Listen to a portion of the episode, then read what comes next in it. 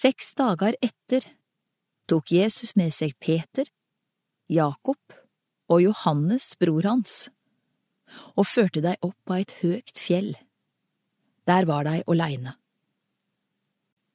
Da vart han forvandla for auga deira.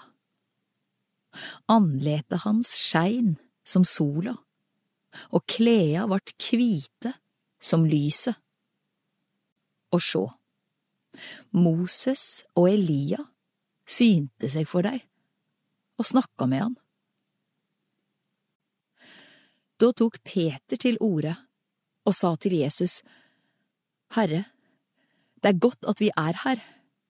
Om du vil, skal jeg bygge tre hytter, ei til deg, ei til Moses og ei til Elia. Men før han hadde tala ut, kom det ei lysende sky og la skugge over deg, og fra skya kom det ei røyst.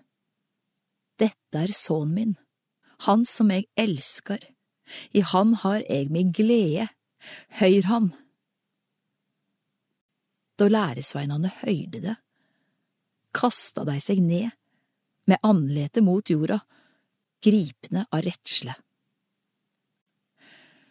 Men Jesus gikk bort og rørte ved deg og sa, Reis dykk opp, og vær ikke redde.